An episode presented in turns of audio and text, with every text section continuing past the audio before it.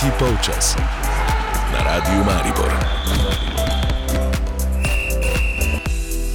Dobro dan in dobrodošli v društvu tokratnega tretjega polčasa. 6. februar je danes, bomo na dveh koncih z enim delom v Mariboru in okolici, z drugim delom pa v Meribelu, kjer se je začelo svetovno prvenstvo v alpskem smučanju. V cilju so tekmovalke od številke 1 do 5, vrstni red pa trenutno takšen, gre seveda za alpsko kombinacijo super veleslaloma in pa slaloma. Franciska Grič pred kanačanko Valerij Granje in pa Miradoljevo, ki je v cilju kot tretja s šestimi desetinkami sekunde, zaostanka Sofija Gođa ima zaostanek 85 stotink sekunde, Nemka ima Eichner pa je zaostala sekundo 50. No, nas bo seveda bolj zanimalo, kaj bo naredila številko 18 Ilka Štuhec, ki bo danes verjetno malce bolj testirala današnjo superveleslalomsko progo. Več bo verjetno znanega jutri na superveleslalomski dirki, seveda pa Ilka Štuhec ostaja glavni slovenski adut oziroma adutinja za zmago v smuku. Čeprav bomo v nadaljevanju govorili o čisto drugi temi, pa seveda ne bomo pozabili dogajanja v Meribelu.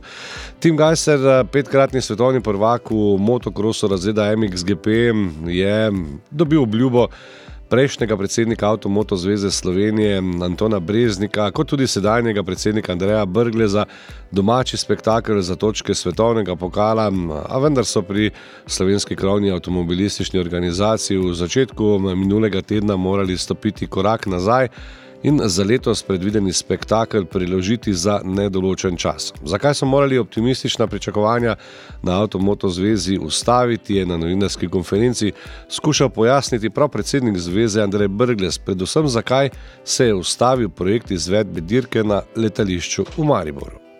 Na letališču Maribor se je zalomilo v praktično zadnji fazi, ki bi še potrjevala to, da lahko gremo pravzaprav v naslednjo fazo. Se pravi, umestitev samega tega objekta, ki bi moral pospremiti dirko v končne gabarite letališča, se je izkazalo, da moramo preseči predvidene gabarite velikostno in poseči izven letališča na kmetijsko zemljišče. Kmetijsko zemljišče je že po naši naravi nekaj, kar natančno vemo, da tudi Avtomoto zveza ne želi vstopati v ta del. Kot veste, smo prvi nosilec in zastavonoša varne mobilnosti in ekološke in trajnostne mobilnosti in popolnoma se zauzemamo povsod za to, da se ne kršijo zakon vožnje v naravnem okolju in tukaj ne popuščamo. Tudi nobene potrebe ni za to, je zemljišč v Sloveniji, ki so primerna za to več kot dovolj. Po prvem razočaranju, ker Gajserja navijači ne bodo videli na delu na domačem terenu, so pri Avtomoto zvezi sklenili, da bodo poiskali trajnejšo rešitev. Na mesto začasnega dirkališča, ki za postavitev in podprtje zahteva veliko sredstev, daljših uh, učinkov pa nima, so se odločili za načrt B, iskanje primernega zemljišča v Sloveniji, na katerem bi postavili lastno središče za dirke, ne le za motocross, tudi za druge discipline, kot so trial, cross in enduro. In če se je torej zaprla ta pot, ne, smo prepričani, da bomo našli drugo. Zdaj pa, kot rečeno, ne samo zaradi Tima Gajserja, ampak zaradi splošne klime, mislim, da je primeren čas, da stvar postavimo v drugačen kontekst in pravzaprav poiščemo znotraj Slovenije največje kapacitete, ki jih imamo, zato da ugriznemo v eno tak projekt in se pravzaprav temu športu poklonimo na, na tak način, da pripravimo objekt, ki je sodoben in naravnan za športne, motošportne dogodke in treninge in razvoj tega športa v prihodnosti, ki zagotovo se ne bo nehal, tudi če bo mogoče, ne vem, kakšen drugačen agregat poganjal stroje, s katerimi bojo tekmovalci tekmovali in recimo drugi trenirali. Tako je odločitev dodatno pojasnil predsednik zveze Andrej Brgles. Kaj torej še ni znano, oziroma kje še ni znano, kaj naj bi novi center vseboval in tudi kaj ne. A kot pravi Marijo Gregori, vodja upravljanja z nepremičninami pri Avtomoto Zvezi Slovenije, računajo predvsem na funkcionalno degradirana zemljišča, ki so upoščeni peskokopi, deponije in podobno. Takšnih zemljišč v Sloveniji je po podatkih iz leta 2020 več kot 3600 hektarjev, zato upajo, da bodo do konca marca, ko so postavili rok za zbiranje ponudb, te tudi dobili. Sicer pa zdaj v studiu pozdravljam Saša Kraglja, sicer tudi vodjo slovenske motocross reprezentance, pa ne samo ene, najprej pa seveda dobrodošel in pa dober dan. Ja, lepo zdrav vsem poslušalkam in poslušalcem. Motocross dirka svetovnega prvenstva na slovenskih tleh v letu 2024 zagotovo ne bo, oziroma ne bomo je gostili. Veliko je razmišljanja o tem, zakaj so se prijatelji Motocross odločili, kot so se, ampak. Razred tiči veliko globje, in front zahteva kar precejšno eh, infrastrukturo za samo dirko. Res je, da je blizu tako željena avtocesta, pa ostale povezave, vendar priprava proge za svetovno prvenstvo v motokrosu. Ni samo en buldožer, pa dva tovornjaka, ki bi navozila malce zemlje, pa pripravila takšno progo, kakšno je vaše stališče, oziroma vaš pogled na to, glede na to, da imate izkušnje s pripravami prog. Ja, res je vse tako, kot ste nekako povedali, kot imate v vaših mislih. Uh, mislim, da je bila ta izjava uh, gospoda predsednika Brgleza nekoliko preuranjena. Uh, zavedamo se vsi skupaj, da si uh, vsi želimo tekme svetovnega prvenstva v Sloveniji, kajti edini, ki je v tem projektu najbolj suveren, je zagotovo Tim Gajser, ki niza že vrsto let naslove svetovnega prvaka. Pet let je že minilo od njegovega prvega naslova, odkar se je začelo v bistvu razmišljati o tem, da bi pa bilo vseeno zanimivo in ne nazadnje tudi finančno privlačno organizirati dirko svetovnega prvenstva na domačih tleh v Sloveniji. To je, ta izjava je bila izjavljena že v preteklem mandatu gospoda Breznika, ko so se bližale volitve, sedaj, ko je prevzel nov prestol gospod uh, Brgles, pa je on samo še potrdil uh, tole izvedbo, ampak uh, ja. Uh, Infront zahteva, ima svoje zahteve, ki pa mislim, da niso izven meja neke normalne organizacije, saj po celem svetu potekajo tekmovanja, organizatori niso na letališčih, niso ob avtocestnih uh, krakih, tako da tukaj ne vidim uh, posebnih zahtev, ki jih oni postavljajo. Enostavno pa je to, da se moramo vsi zavedati, da takšne proge za enkratni dogodek ne moremo postaviti na kmetijskem zemljišču iz danes na jutri. In jaz mislim, da je to glavni in uh, poglavitni razlog, zakaj ta trenutek ne moremo zapičiti lopate nekje na slovenskih tleh, kajti za enkratni dogodek. Mislim, da so se v preteklih letih to odločili samo v Švici, da so naredili dirko svetovnega prvenstva samo za tisti vikend in potem spravili vse v prvotno stanje. Zagotovo to zahteva zelo, zelo velike stroške, zelo veliko organizacijo, velik tim. Eh, ljudi, ki bi uh, moral stati za tem. Jaz uh, mislim, da tega v Sloveniji ta trenutek ne premoremo, nimamo na razpolago uh, vsega tega, kar bi zahtevalo za enkratni dogodek, in uh, upam, da v prihodnje se res najde neko zemljišče oziroma nek interes, uh, ne glede na to, ali to posameznikov ali avtomoto zveze, ki bi spravil v pogon uh, ta aparat, da bi lahko v Sloveniji premogli en uh, športni center, ne samo za motocross. Uh, potrebno je podariti tudi, da enduraši, uh, vozniki cross countryja nimajo svojih poligonov, potem se po drugi strani čudimo, zakaj je pohorje preorano z, od motoristov. Eh, ki se vozijo v naravi. Eh, motorjev je ogromno, ni poligonov, kjer bi se vsi ti eh, lahko vozili, lahko sproščali svoj adrenalin, in ne na zadnje, en takšen center bi bil nujno potreben za Slovenijo. Sam sem pred leti. Probal legalizirati eno izmed prog, ki sem jo delal predtem, ko smo odprli svoj športni center v Orehove vasi in uh, minilo je deset let in en kup papirologije, da pa se ni zgodilo nič. Tako da sem prepričan, da bi tukaj Avtomoto zveza in pa ne nazadnje tudi država se morala vključiti v to, da bi lahko nekaj takega nastalo.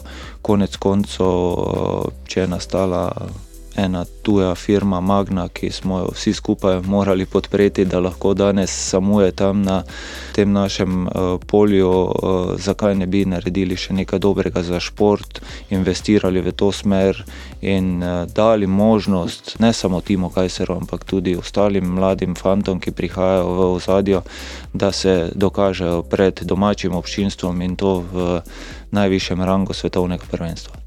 Omenili ste Orehovo vas, tam so bile nekoč ideje tudi, da bi se to tekmovanje umestilo v ta prostor.